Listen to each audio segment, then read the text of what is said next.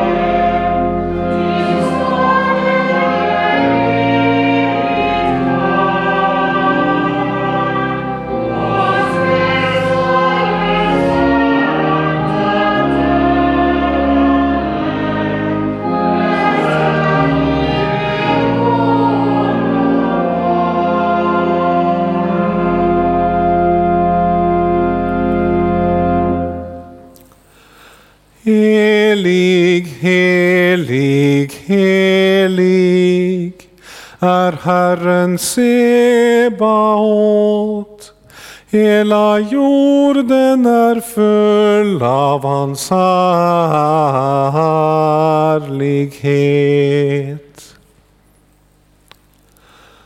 Herren är i sitt heliga tempel. Hans tron är i himmelen. Men han är också hos dem som är ödmjuka och ångerfulla. Han hör deras bekännelse och vänder sig till deras bön. Låt oss därför med frimodighet komma inför honom och bedja om förlåtelse.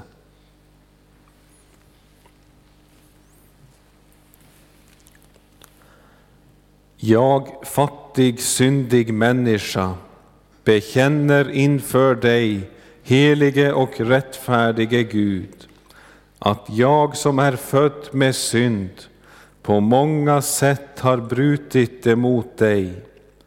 Jag har inte älskat dig över allting och inte min nästa som mig själv. Mot dig och dina bud har jag syndat med tankar, ord och gärningar. Jag är värd att förkastas från ditt ansikte om du skulle döma mig som mina synder har förtjänat. Men du, käre himmelske Fader, har lovat att med mildhet och nåd ta emot alla som vänder sig till dig. Du förlåter dem allt vad de har brutit och försummat och tänker inte mer på deras synder. Detta litar jag på när jag nu ber dig om förlåtelse för min frälsares Jesu Kristi skull.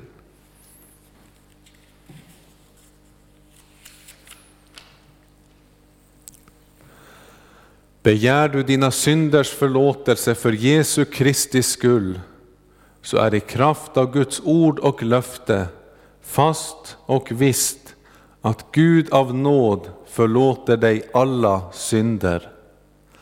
Denna förlåtelse tillsäger jag dig på vår Herres Jesu Kristi befallning i Faderns och Sonens och den helige Andes namn. Amen. Käre Fader i himmelen, vi tackar dig för syndernas förlåtelse genom Jesus Kristus, vår Herre. Amen.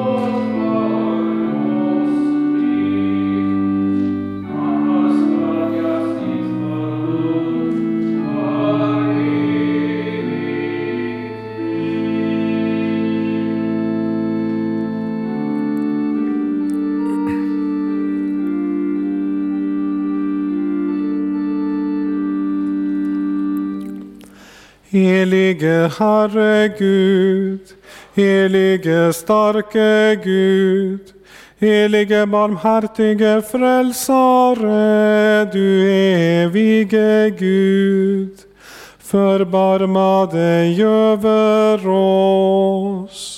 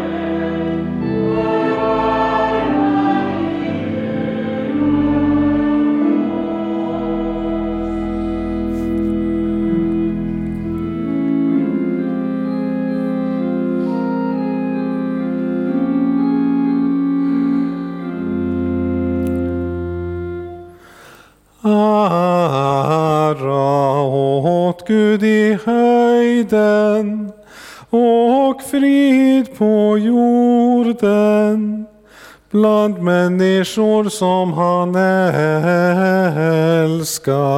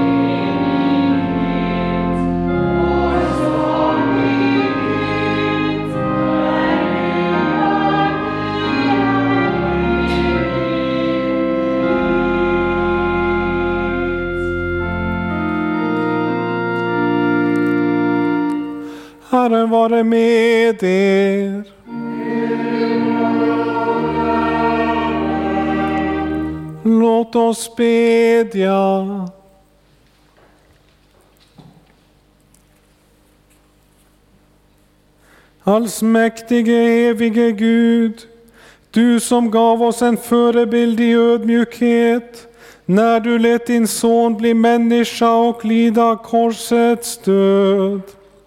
Lär oss genom hans tålamod lydnad för din vilja, så att vi får del i hans uppståndelse. Genom din son Jesus Kristus, vår Herre. Amen. Hör Herrens ord på palmsöndagen, den första årgångens läsningar. Dagens gammaltestamentliga läsning är hämtad ifrån profeten Sakarja i det andra kapitel från vers 10. Jubla och gläd dig, du dotter Sion, ty se, jag kommer för att ta min boning i dig, säger Herren. Och då skall många hedna folk sluta sig till Herren och bli mitt folk. Ja, jag ska ta min boning i dig, och du ska förstå att Herren Sebaot har sänt mig till dig. Och Herren skall ha Juda till sin arvedel i det heliga landet, och ännu en gång skall han utvälja Jerusalem. Må allt kött vara stilla inför Herren, ty han har stått upp och trätt fram ur sin heliga boning.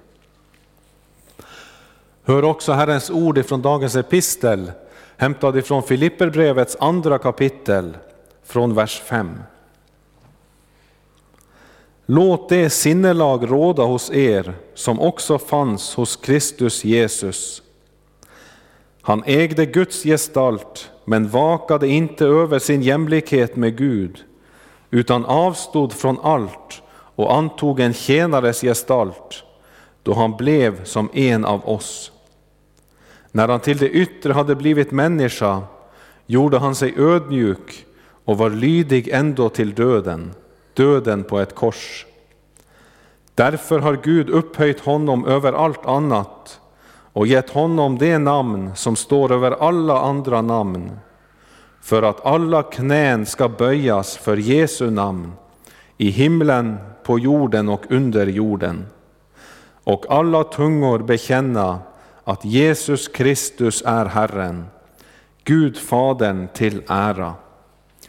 Så lyder Herrens ord. Gud, vi tackar dig. Så ska vi sjunga som gradualsalm 446.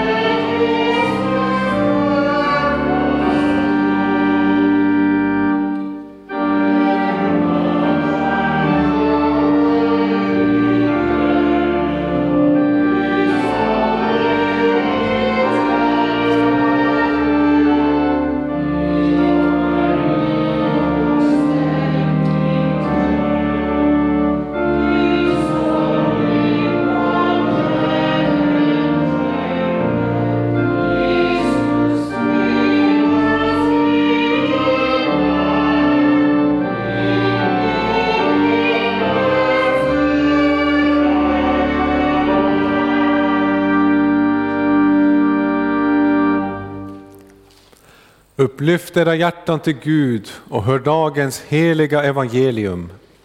Så skriver evangelisten Lukas, Johannes ursäkta, i det tolfte kapitel från vers 1. Sex dagar före påsken kom Jesus till Betania, där Lazarus bodde, han som Jesus hade uppväckt från de döda. Man ordnade där en måltid för honom Marta passade upp och Lazarus var en av dem som låg till bords med honom. Maria tog då en hel flaska dyrbar äkta nardusbalsam och smorde Jesu fötter och torkade dem sedan med sitt hår. Och huset fylldes av doften från denna balsam. Men Judas Iskariot, en av lärjungarna, den som skulle förråda honom, sade varför sålde man inte oljan för 300 denarer och gav till de fattiga? Detta sade han, inte för att han brydde sig om de fattiga, utan för att han var en tjuv. Han hade hand om kassan och tog av det som lades dit. Men Jesus sade, låt henne vara, hon har sparat sitt balsam till min begravningsdag. De fattiga har ni alltid bland er, men mig har ni inte alltid. En stor mängd judar fick reda på att Jesus var där och de kom dit, inte bara för hans skull, utan också för att få se Lazarus som han hade uppväckt från de döda. Översteprästerna bestämde sig då för att döda Lazarus också, eftersom så många judar för hans skull gick ifrån dem och trodde på Jesus. Nästa dag, när de många som hade kommit till högtiden fick höra att Jesus var på väg till Jerusalem, tog de palmkvistar och gick ut för att möta honom, och de ropade Hosianna, välsignad är han som kommer i Herrens namn, han som är Israels konung. Jesus fick tag i en åsna och satte sig på den, som det står skrivet, Frukta inte, dotter Sion, se, din konung kommer, sittande på en ungåsna. Lärjungarna förstod först inte detta, men när Jesus hade förhärligats kom de ihåg att som det stod skrivet om honom, så hade man gjort med honom. Så lyder det heliga evangeliet. Lovat vare du, Kristus. Låt oss tillsammans bekänna vår heliga kristna tro.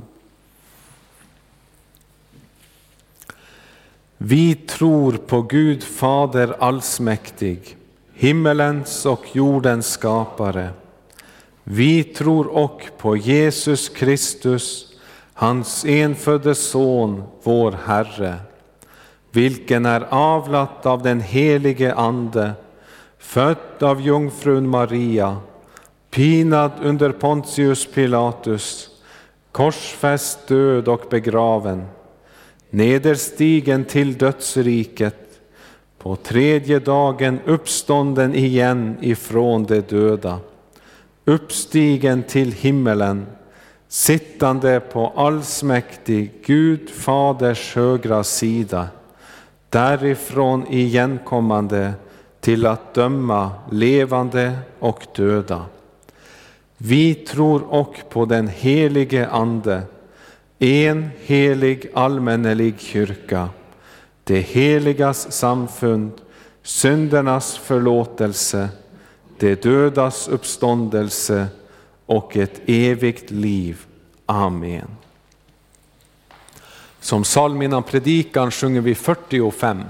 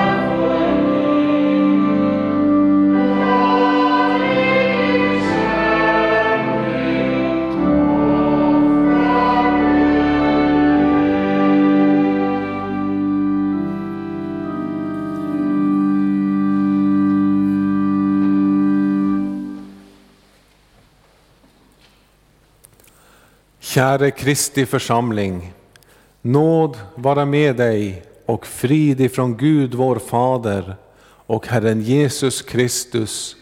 Amen. Låt oss bedja. Allsmäktige himmelske Fader, du som idag låter oss få se en förebild på ett kristet hem. Gör du vår församling till ett kristet hem genom ditt ord. Låt oss få ropa som folket Hosianna till vår Herre, han som kommer i Herrens namn för vår frälsnings skull. Jag hör vår bön för Jesu Kristi skull. Amen.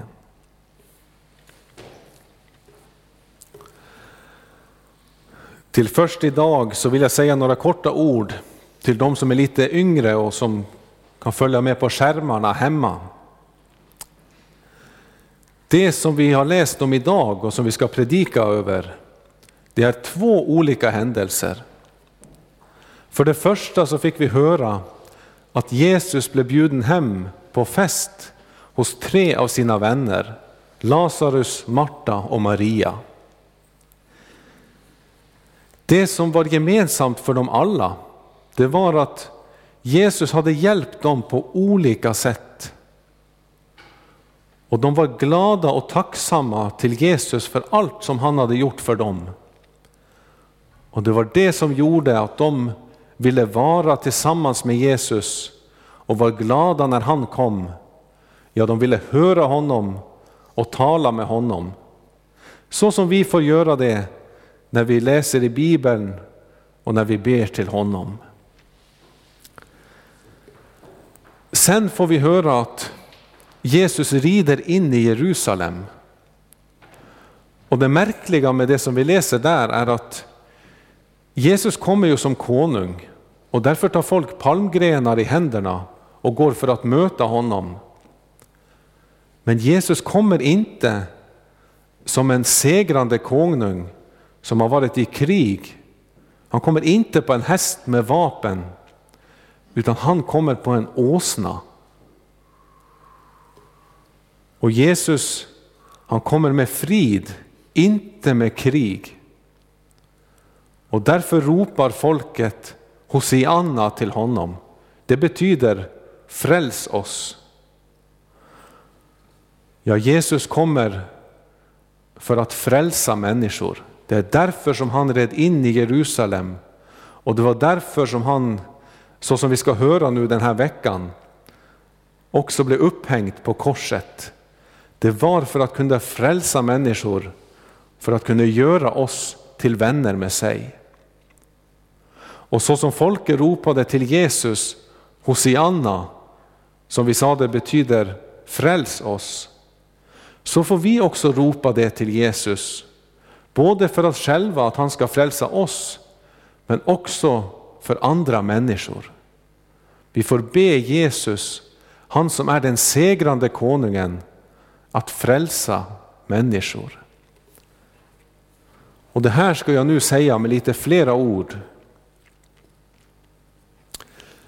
I dagens evangelium så får vi se ett exempel både på sann och falsk fromhet.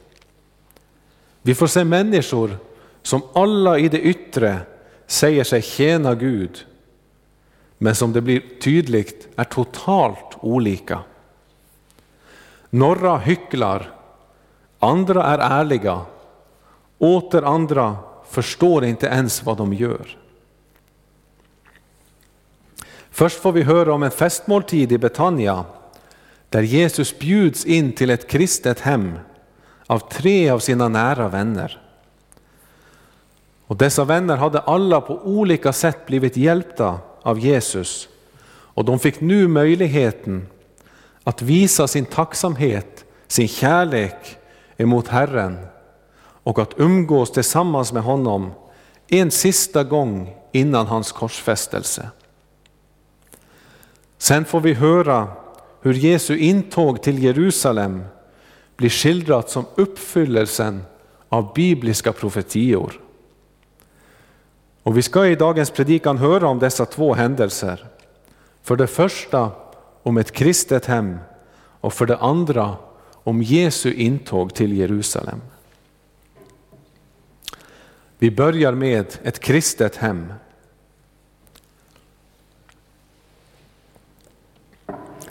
På väg till Jerusalem så bjuds Jesus hem till tre av sina vänner.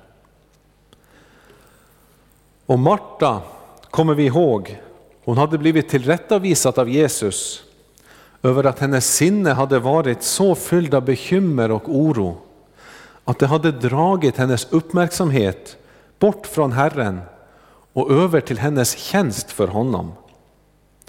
Det ena nödvändiga hade kommit i skymundan för henne. Också denna gång var det Marta som passade upp. Men nu står det inget om att hon bekymrade sig och, för, och att hon oroade sig för allt som skulle ställas i ordning. Nej, hon hade nog lärt av Jesu tillrättavisning och kunde därför tjäna honom med glädje istället för med irritation över hur mycket eller hur lite de andra gjorde. Ja, hennes tjänst inför Herren var yttre sett lik förra gången, men dock så totalt olik. Nu var Herren i centrum av hennes tjänst. Han var hennes drivkraft och inte hon själv. Maria, som den gång hade suttit vid Jesu fötter så som hans lärjungar gjorde det, därför att det, det viktigaste för henne var att lyssna till Herrens ord. Hon hade också fått detta ord rikligen av sin Herre. Också denna gång befinner hon sig vid Jesu fötter, nu för att smörja dem med olja och torka dem med sitt hår. Och det här förklarar Jesus att hon gjorde inför hans begravning. Och det visar Marias insikt i Guds plan med sin son, som verkar djupare än Jesu egna lärjungars insikt.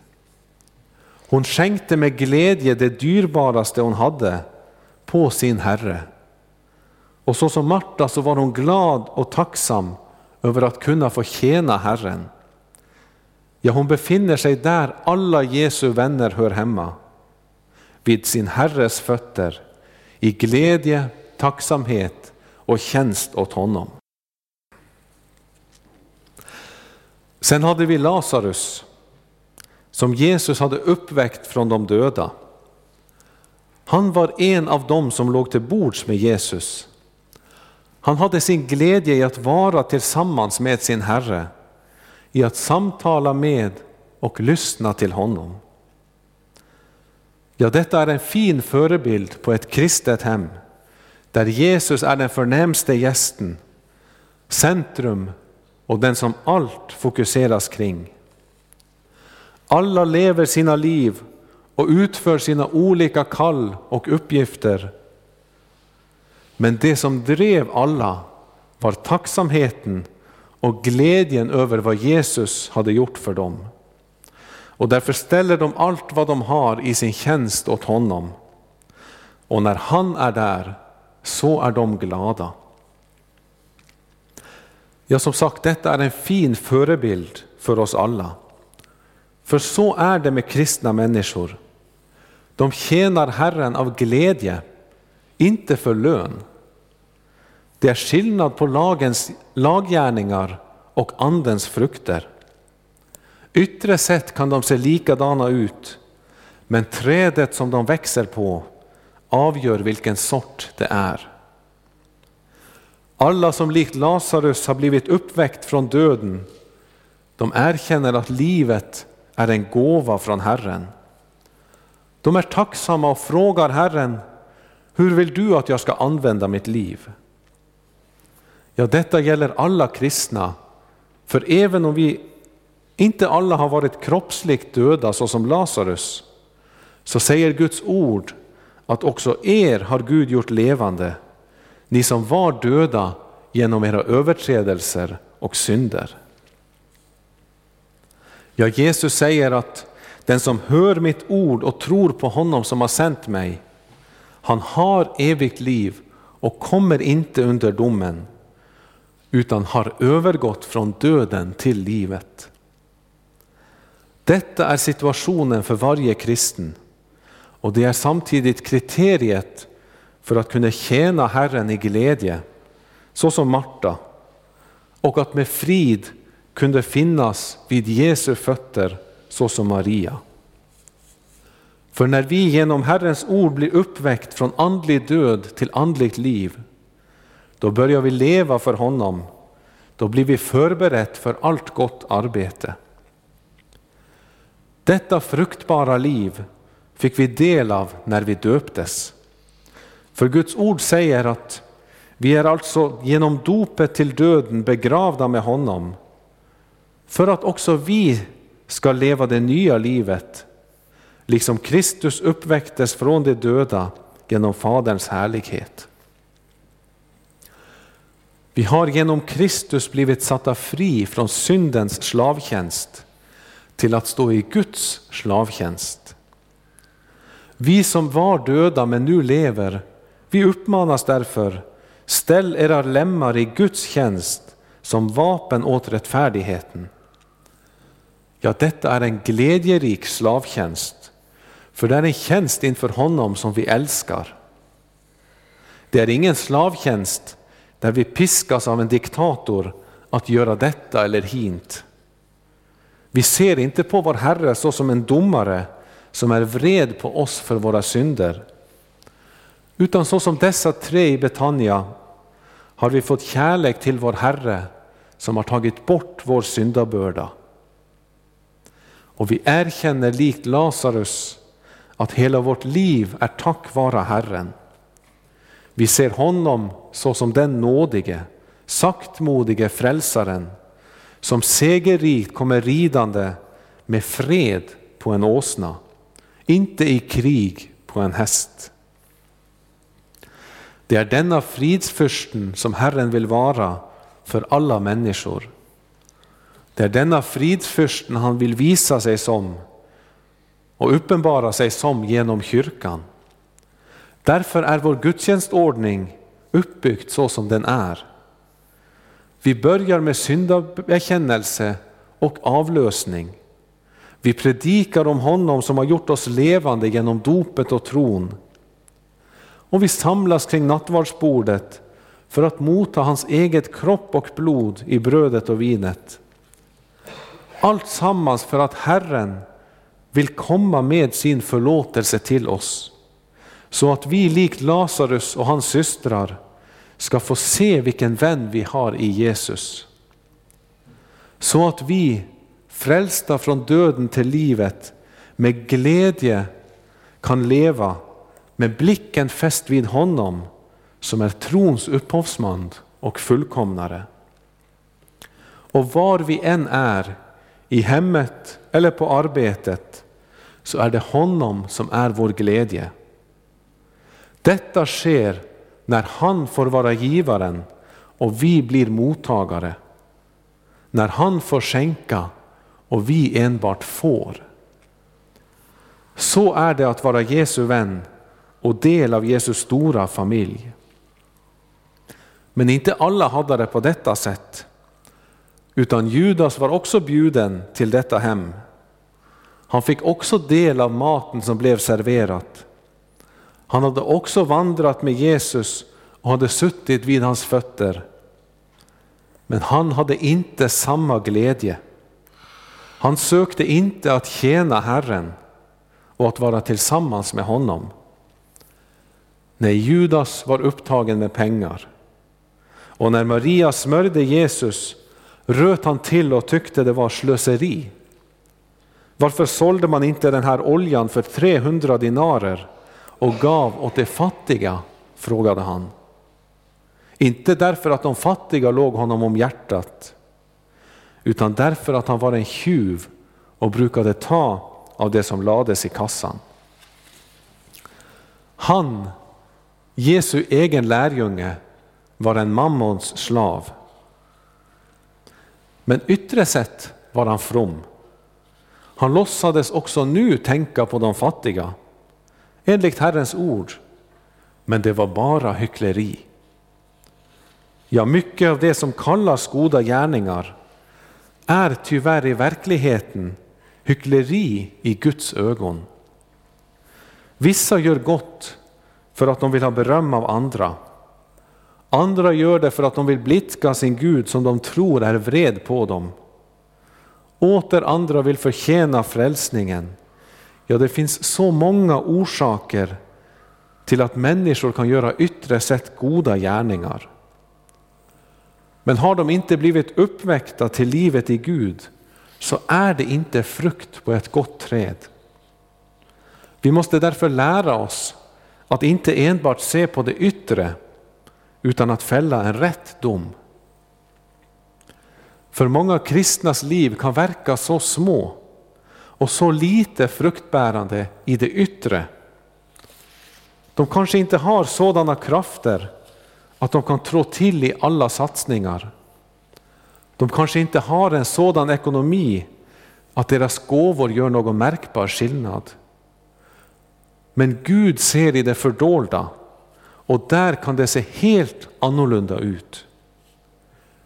Kvinnan vid tempelkistan hade gett mer än de alla, för hon gav av det som hon skulle leva av. Ja, hon hade varit en glad givare.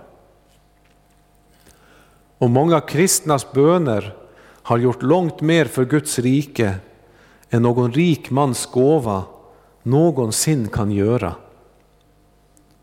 Saken är att en rik församling utan Jesus är inget, medan en, för, en fattig församling med Jesus i centrum är i verkligheten rik.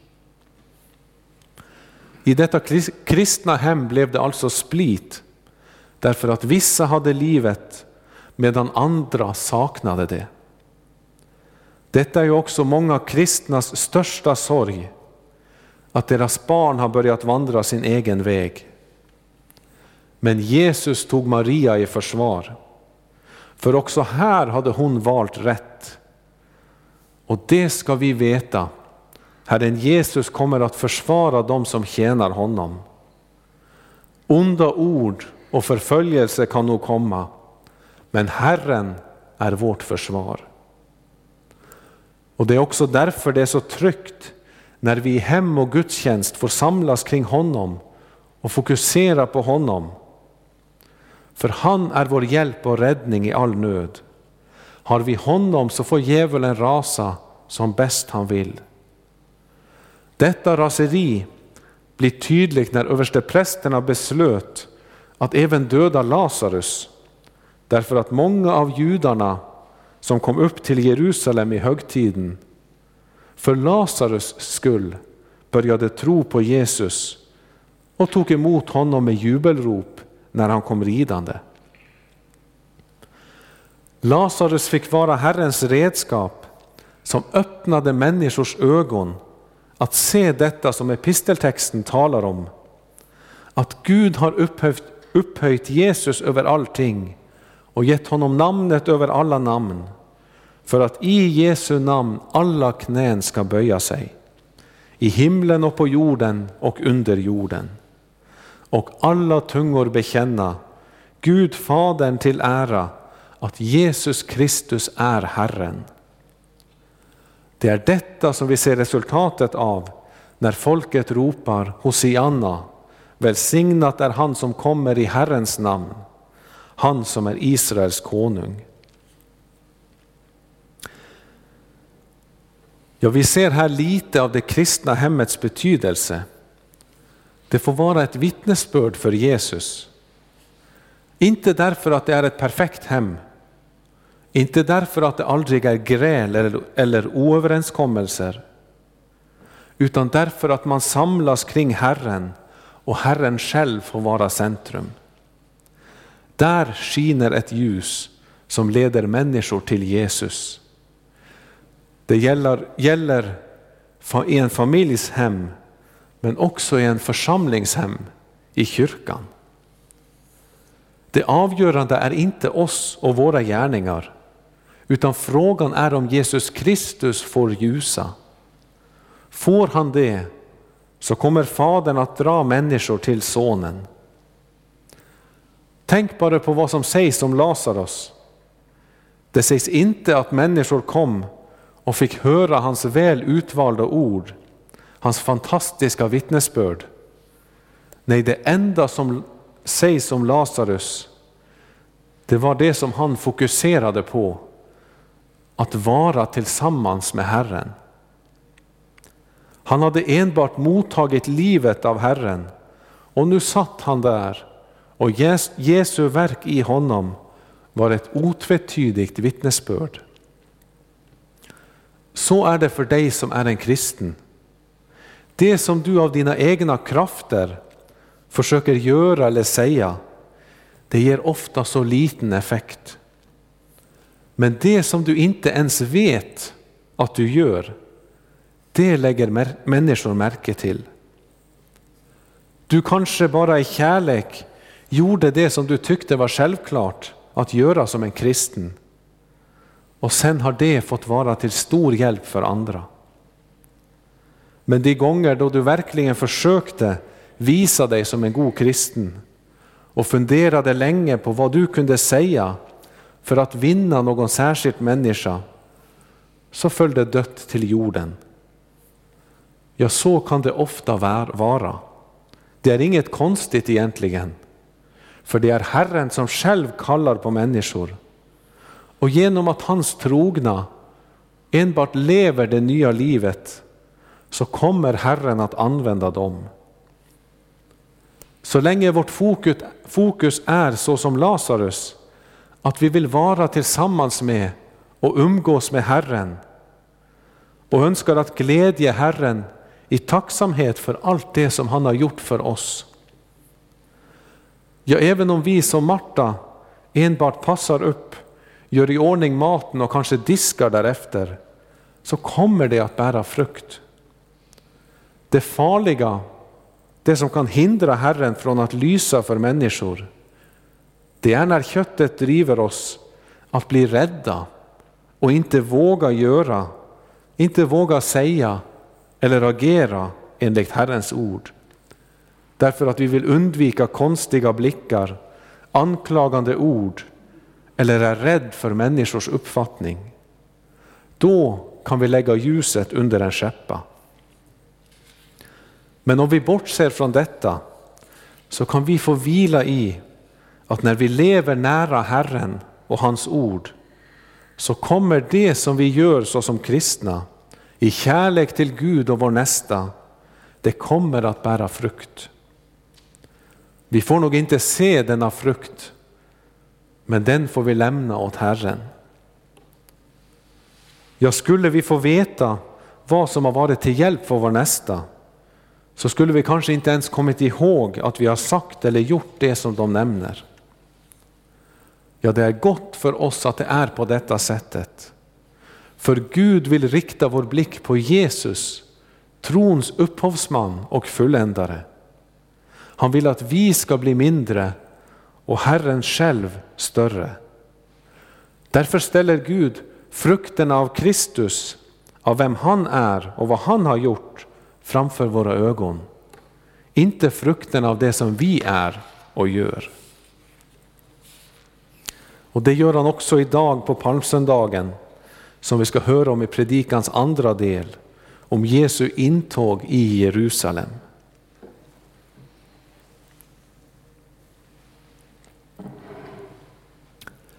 Stora skaror hade kommit till Jerusalem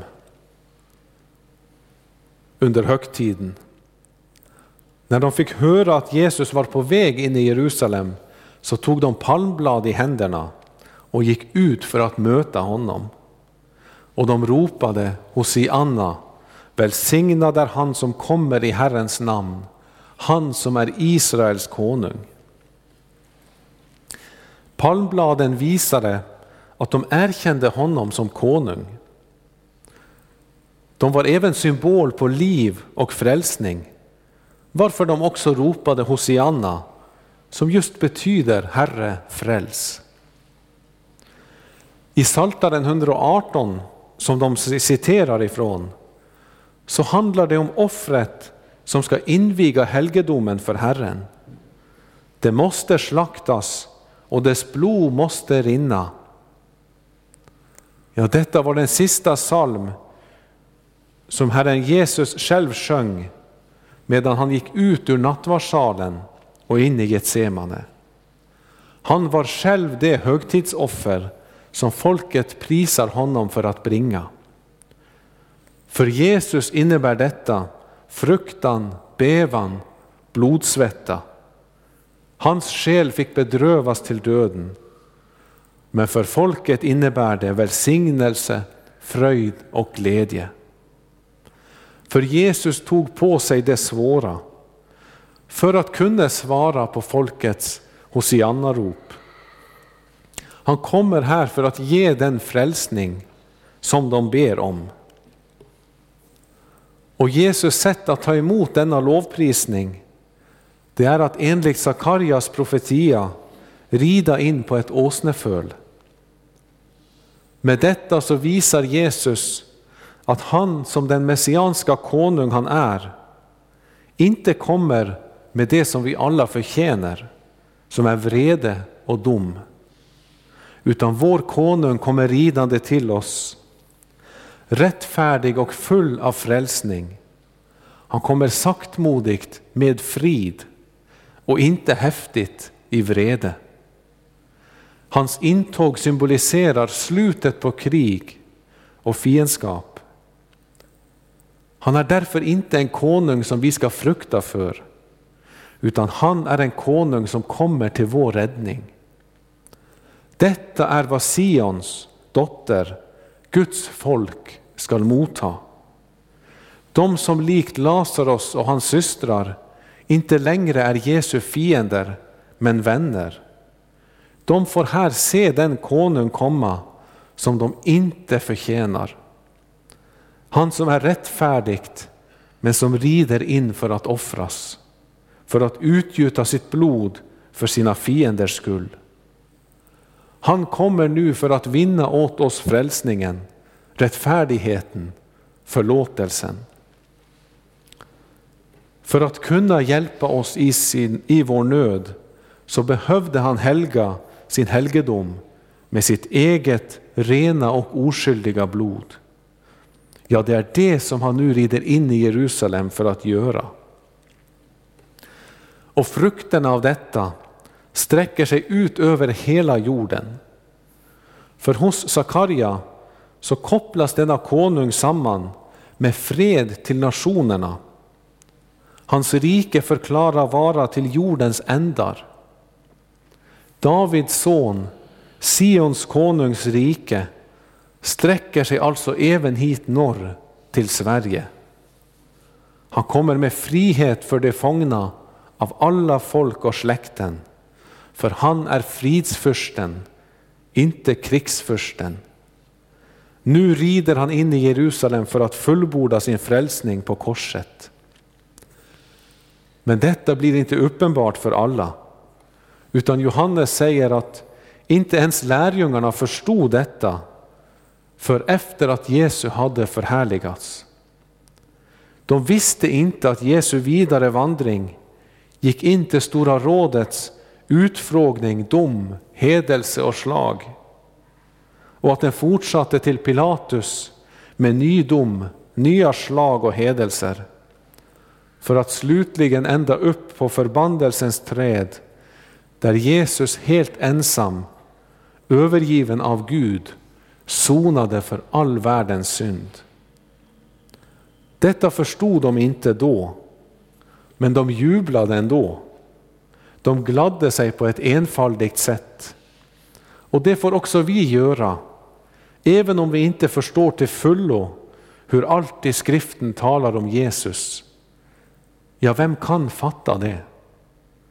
Men vi förstår att Jesus kommer mild och saktmodigt vi förstår att det är vår frälsning han kommer med och att det är ett glädjebud som han vill frammana hos oss. Därför att han kommer så som vår medlare, försonare och offerlamm. Ja, ingen som tar sin tillflykt till honom i sin syndanöd ska skickas tomhänta bort. Utan om vi håller oss till honom, såsom Lazarus och hans systrar, så skall han leda oss längre in i sitt eget ord och vi ska få se mera av vad han har gjort. Nog till att räcka för våra liv här på jorden. Och när vi en dag står hemma på paradisets strand så ska vi få se honom så som han är, inte längre styckevis. Utan då ska vi få se hans fulla härlighet. Och det ska skapa i oss en evig lovprisning i glädje och fröjd. Ja, lärjungarna förstod inte fullheten av vad de gjorde här och säkert inte folket heller. Men sen påmindes de om att detta var skrivet om honom och att de hade gjort detta för honom. Och så är det även med våra liv. Vi minns inte heller allt som har lett oss till ett liv i Gud. Vi förstår det inte heller. Men kanske om vi tänker tillbaka så ser vi att det var någon särskild människa som var avgörande för vår livsvandring. För likt apostlarna så kan också vi i eftertid få se Guds ledning med våra liv. Att det var han som ledde oss hela vägen. Det var han som utvalde oss, som kallade oss, som ledde oss. Han gjorde allt genom ordet och också genom andra människor som han skickade i vår väg. Ja, det är inte tillfälligt att just du lyssnar på predikan idag. Det är inte tillfälligt att du bor där som du bor, utan Gud leder våra liv. Vi förstår inte varför vår livslott, vårt kors och våra glädjeämnen ser ut just som de gör. Men i eftertid kan vi få inse att det var Gud som ledde oss enligt hans eviga vilja. Hade vi fått vår kortsiktiga vilja igenom hade vi kanske fallit bort från tron. Hade till exempel inte Lazarus dött så hade inte hans uppväckelse från de döda lett människor till Jesus. Till att ta upp palmgrenar, ropa Hosianna och hylla och tacka Jesus för hans stora gärningar. Allt måste samverka för dem som älskar Herren, men det ser vi först lite av efteråt. Om vi idag hör hans röst och inte förhärdar våra hjärtan, så får vi vara trygga på att vår vandring tillsammans med Herren kommer att bära frukt. Den kommer att föra oss helt hem. Det lovar Jesus när han säger Förbli i mig, så förblir jag i er. Liksom grenen inte kan bära frukt av sig själv, utan endast om den förblir i vinstocken. Så kan inte heller ni det, om ni inte förblir i mig. Ja, Hosianna, Davids son, välsignad vare du, Herre Jesus, som kom med frälsning i Herrens namn. Lovat vare Gud och välsignad i evighet, som med sitt ord tröstar, lär, förmanar och varnar oss. Helige Ande, skriv ordet i våra hjärtan, så att vi inte blir glömska hörare, utan varje dag växer till i tro, hopp, kärlek och tålamod, intill tidens slut och blir saliga. Genom Jesus Kristus, vår Herre. Amen.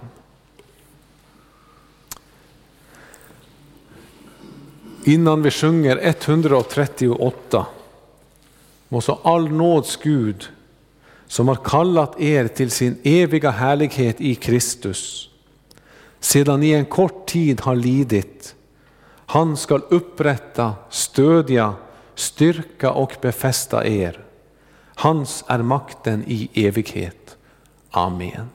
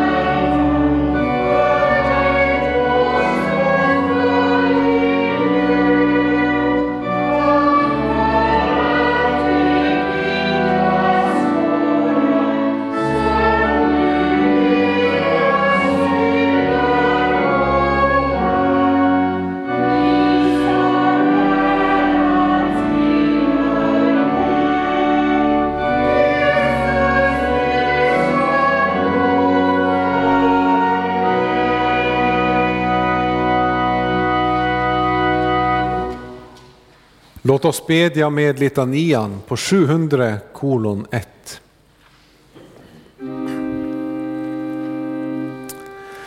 Evige allsmäktige Gud.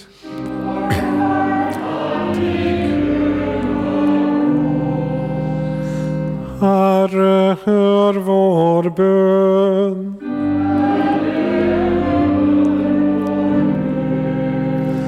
Herre Gud, Fader i himmelen, Herre Guds son, världens frälsare, Herre Gud, du helige Ande.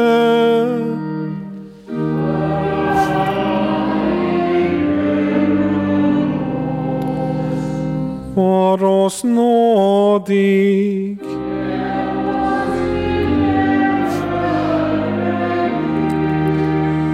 För alla synder, för lögn och vidskepelse, för allt ont, för djävulens grymhet och list, för pest och hungersnöd, för krig och världsbrand, för ondskans makter i himlarymderna, för uppror och splittring, för eld och våda, för ond bråd död, för den eviga döden.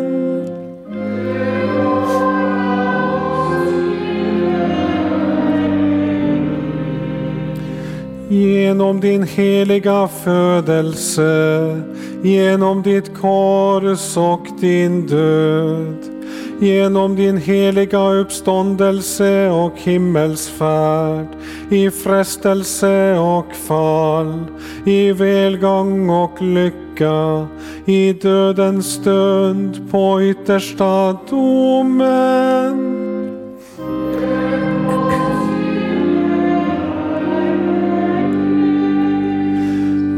Arma syndare beder dig att du leder och bevarar din heliga kristna kyrka. Att du sänder trogna arbetare i din skörd.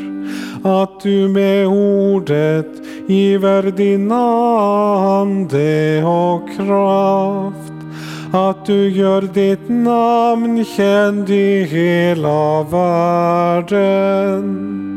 Att du enar alla trogna så att det förblir en jord och en herde.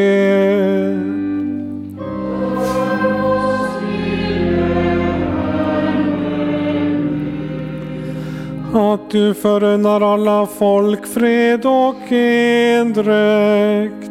Att du skyddar och bevarar vårt fosterland.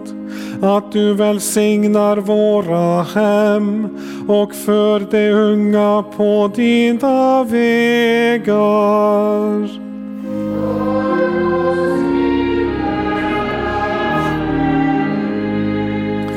Att du tröstar alla bedrövade och svårmodiga.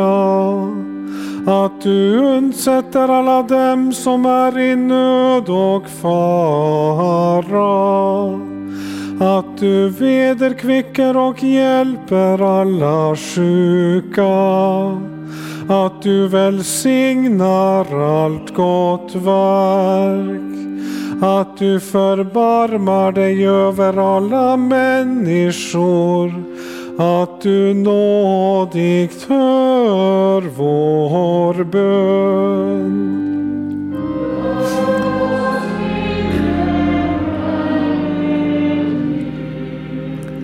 Herre allsmäktige Gud, du som hör de botfärdiga sökar och tröstar bedrövade hjärtan. Hör den bön som vi i vår nöd bär fram och hjälp oss så att allt det onda som djävulen, världen och vi själva tillfogar oss genom din andes kraft blir till intet gjord.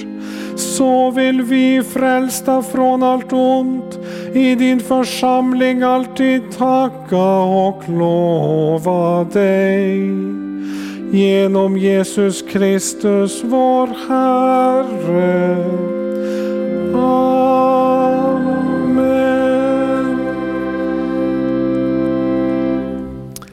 Fader vår som är i himmelen.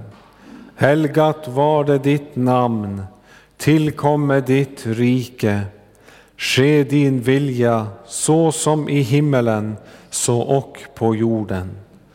Vårt dagliga bröd giv oss idag och förlåt oss våra skulder så som och vi förlåta dem oss skyldiga äro. Och inled oss icke i frestelse utan fräls oss ifrån ondo. Ty riket är ditt och makten och härligheten i evighet. Amen.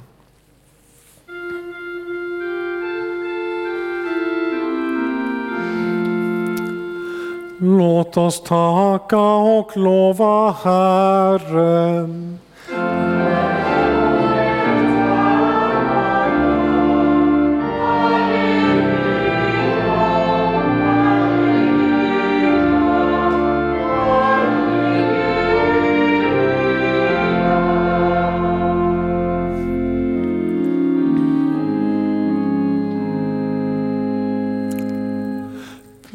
Böj hjärtan till Gud och mottagen välsignelsen. Herren välsigne heder och bevare heder. Herren låte sitt ansikte lysa över eder och vara eder nådig. Herren vände sitt ansikte till eder och give eder frid. I Guds Faderns och Sonens och den helige Andes namn.